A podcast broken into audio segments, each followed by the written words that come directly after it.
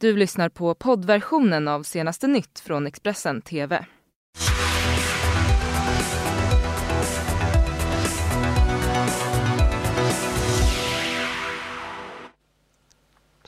God morgon och välkommen till senaste nytt. Vi tar en titt på våra huvudrubriker. Kraftig explosion på frisörsalong i Stockholm i natt. Idag fortsätter tillbakadragandet av kurdiska YPG-styrkor från norra Syrien. Och chauffören i Storbritannien kan själv ha larmat om de 39 döda ombord på hans lastbil. Ja, en sprängladdning av något slag har alltså exploderat i en fris frisörsalong i området Traneberg i Stockholm i natt. Platsen är avspärrad och polis har inlett en förundersökning om allmänfarlig ödeläggelse. Flera fönster krossades i explosionen som ni ser på de här bilderna. Men i övrigt så ska skadorna ha varit lindriga och ingen person har heller kommit till skada. Och så, vill, och så vill vi göra er uppmärksamma på att polisen kommer genomföra en rätt omfattande övning i Stockholm nu under morgonen där explosioner kan komma att förekomma. Övningen eh, sker i de här två områdena, Västberga och eh, Johanneshov i södra Sverige, eller i södra Stockholm. Eh, och det kommer alltså både kunna höras explosioner och även polishelikoptrar som kommer att hovra över de här övningsområdena. Så utrikes nu. Den 25-årige chauffören Mo Robinson som är gripen misstänkt för mord på de 39 människor som hittades döda i lastutrymmet på en fryslastbil i Storbritannien igår kan själv varit den som larmat polis. Enligt källor nära utredningen som The Telegraph talat med så är det osannolikt att han kände till dess last när han hämtade upp lastbilssläpet. En omfattande mordutredning har inletts i Storbritannien efter att 39 personer hittats döda i lastutrymmet på en lastbil i en industripark i staden Grace, Essex. This is an absolute tragedy and very sad day for Essex Police and the local community. We will continue to work alongside many other partner agencies to find out what led to these deaths. Lastbilschauffören, 25-åriga Mo Robinson från Nordirland, är gripen misstänkt för mord. Av hans Instagramkonto framgår att han regelbundet besöker Sverige i sitt arbete och han har en svensk flagga i sin profilbeskrivning. Robinson greps kort efter att polisen dök upp i industriparken strax öster om London klockan 01.40 natten mellan tisdagen och onsdagen. Övervakningsbilder visar hur lastbilen anländer till platsen en halvtimme tidigare. Polisen arbetar nu utifrån hypotesen att lastbilen ursprungligen kom från Bulgarien och anlände till Storbritannien i lördags via Belgien. Det är ju den rutten som många kommer från, alltså Balkanrutten framförallt om du har tagit dig illegalt in i Europa via, från, från Mellanöstern. kommer via Turkiet, kanske sen upp genom eh, Balkan. Det är någonting vi, vi har sett många gånger förr också. Det handlar om en eh, Scania-truck med vad som enligt brittiska kollegor ska vara ett frysaggregat på också så man kan ju föreställa sig att det här potentiellt hade kunnat vara minus 25 grader i den här uh, trucken som de eh, uh, 39 personerna befann sig i innan de dog. Nu ska myndigheter försöka identifiera grupper som sysslar med organiserad brottslighet och som kan ha kopplingar till dödsfallen. Samtidigt arbetar polisen för att identifiera de 39 personerna som var döda redan när polisen kom fram. Något som man befarar kommer ta lång tid.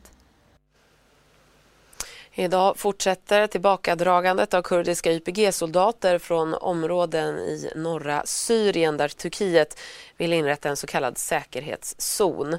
Ett tillbakadragande som kommer att övervakas av ryska och syriska regeringsstyrkor.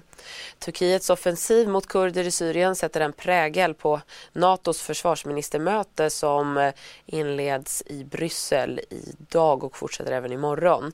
Att Turkiet i egenskap av NATO-land går till angrepp mot kurderna som hjälpt USA i kampen mot terrororganisationen IS i Syrien har ifrågasatts av många NATO-länder. Och NATO-chefen Jens Stoltenberg säger i en intervju med Yle att det är för tidigt att uttala sig om avtalet mellan Turkiet och Ryssland som slöts i förrgår men att han trycker på vikten av en politisk lösning. Så till Sverige igen. Den senaste tidens omfattande materielbrist på sjukhus i fem regioner i Mellansverige kan leda till en lagändring. Sjukhusens materialbrist kan leda till att lagen ändras. Sex av åtta riksdagspartier öppnar för att se över lagen om offentlig upphandling, skriver Dagens Medicin. Det är alla partier utom de båda regeringspartierna MP som inte tagit ställning och S som är emot, som är positiva till skärpning av lagens formuleringar kring kvalitet. Socialdemokraternas civilminister Lena Micko skriver i en kommentar till Dagens Medicin att dagens lagstiftning räcker men att regionerna kan agera annorlunda vid upphandlingarna och göra bättre avtalsuppföljningar. Det var den 1 oktober i år som Apotekstjänst AB tog över som leverantör av sjukvårdsartiklar till Region Uppsala, Örebro, Västmanland, Dalarna och Södermanland. Nästan direkt uppstod problem och förseningar av leveransen och flera operationer på olika sjukhus tvingades ställas in på grund av materialbristen. En person har dött och minst fem saknas efter översvämningar i nordöstra Spanien. Många vägar i området ligger under vatten och både tåg och flyg har ställts in. Tusentals hushåll är också utan el. Ovädret har även drabbat södra Frankrike och det franska järnvägsbolaget SNCF menar att det inte kommer att gå några tåg, meddelar att det inte kommer att gå några tåg mellan Spanien och Montpellier och Toulouse i minst en vecka framöver. Demonstranterna i Hongkong går nu samman till försvar av den tidigare så kritiserade ledaren Carrie Lam. Detta efter att det framkommit att Peking vill göra sig av med henne. Enligt källor till Financial Times inväntar Kina att situationen i Hongkong ska lugna ner sig något innan man ersätter henne med en ställföreträdande chefsminister fram till nästa val år 2022. CNN berättar mer. With the Hong Kong protests soon entering their fifth month, the Chinese government once again defended Hong Kong's embattled chief executive Carrie Lam following media reports that Beijing wants to replace her. The Financial Times claims the Chinese government is drawing up a plan to be signed off by President Xi Jinping that would see Lam resign and an interim chief executive installed by March next year. The Chinese Foreign Ministry responded saying, quote, this is a political rumour being spread with ulterior motives, and that the central government will firmly support and assist the chief executive. It follows months of speculation about Lam's future after her decision to push a controversial extradition bill that would have allowed for extradition to mainland China. The bill sparked massive protests now in their 20th week, triggering Hong Kong's worst political crisis in decades. While Lam said the bill was dead back in June, the Hong Kong government today formally withdrew the bill in the Legislative Council. But that is unlikely to quell the violence and unrest, with protesters still calling for further demands, including an independent inquiry into police brutality and the right to universal suffrage. Interestingly, the man at the centre of the murder case, cited as the main reason behind the extradition bill, was released from a Hong Kong prison. 20 year old Chan Tong Kai is alleged to have killed his pregnant girlfriend early last year in Taiwan. He spent the past 18 months behind bars in Hong Kong for money laundering, but says he wants to turn himself over to Taiwanese authorities. I understand that because of my irreversible wrongdoing, I have caused huge pain and I have been blaming myself. Therefore, I am willing to pay the price for my impulsiveness and my wrongdoing which is to turn myself in to the Taiwanese authorities and serve my sentence there. I hope Poon Hu Wing's family will feel relieved now and Poon can rest in peace. Chan remains in political limbo as Hong Kong and Taiwanese authorities debate the legalities of his surrender. However, regardless of the outcome of his case, Hong Kong remains in political turmoil, with the protest movement showing no sign of abating. Anna Corin, CNN, Hong Kong.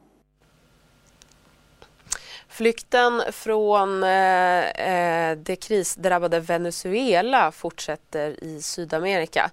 Snart har fem miljoner lämnat landet enligt FN. Samtidigt ökar trycket på grannländerna som behöver långsiktigt stöd för att kunna ta hand om miljontals migranter.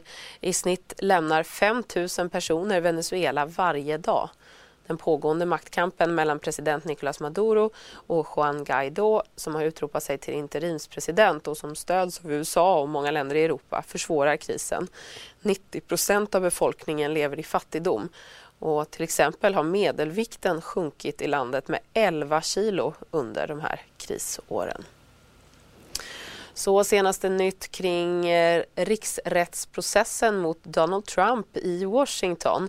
Det är att republikaner tvingat sig in i utfrågningsrummet i protest mot att förhören sker bakom lyckta dörrar. Partiets representanter kräver insyn i vad som sägs. If they're going to do it, do it in public. Don't hide it from the American people. Show your face where we can all see the travesty that you are trying to foist on America and the degradation of our republic that you are engaged in. We demand open proceedings. Ett 20-tal republikaner försenade Laura Coopers utfrågning i riksrättsprocessen mot Donald Trump på onsdagen. Det gjorde de genom att storma säkerhetsrummet där utfrågningen skulle vara. Cooper är anställd av Pentagon och jobbar med frågor som rör Ryssland, Ukraina och Euroasien. Republikanerna tog sig in i rummet och tvingade ordföranden för underrättelsekommittén Adam Schiff att lämna. Därefter ockuperade de rummet och med sig hade de både pizza och snacks. It's a bunch of Freedom Caucus members having pizza around a conference table, pretending to be brave. Um, all they basically did here was to storm a castle that they already occupy, because the Republicans are in the room asking questions, interrogating witnesses, Republicans who are members of these three committees. If they want to know what's going on, they can ask their Republican colleagues. Så tillbaka till Sverige igen. Idag klockan två begravs den älskade tv-personligheten Arne Weise i Höga Lidskyrkan på Södermalm i Stockholm. Han var enormt produktiv under sina år inom Sveriges Television men han är onekligen mest ihågkommen för att varje år ha firat jul tillsammans med miljontals tittare runt om i landet. Arne Weise var julvärd i tre decennier mellan åren 1972 fram till 2002 då han för sista gången tände ljuset i rutan. Han var för miljontals svenskar Mr Julafton. God eftermiddag och varmt välkomna att fira ännu en julafton med oss på Sveriges Television. Arne Weise var julvärd i Sveriges Television i tre decennier.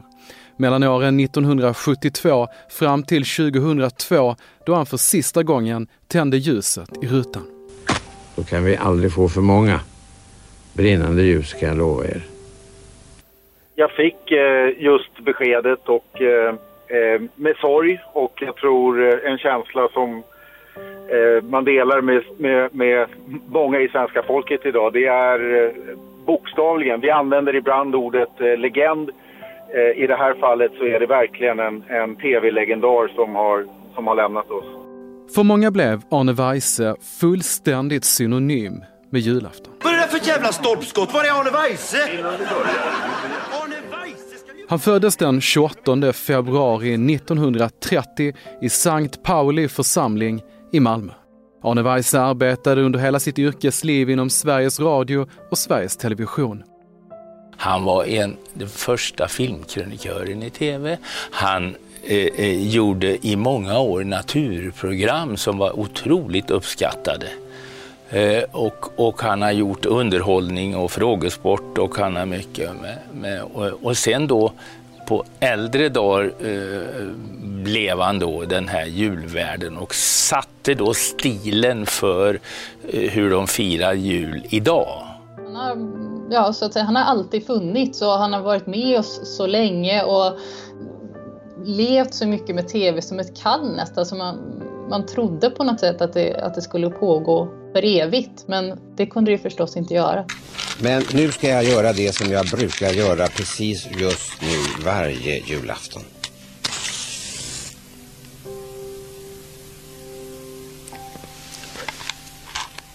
För nu ska vi öppna ett kärt paket. Arne Weise somnade in den 25 september 2019. Han blev 89 år gammal. Mm, och dagens begravning är öppen och vi kommer att närvara och rapportera därifrån under eftermiddagen. Nu tar vi en kort paus. Du har lyssnat på poddversionen av senaste nytt från Expressen TV. Tillförordnad ansvarig utgivare är Klas Granström.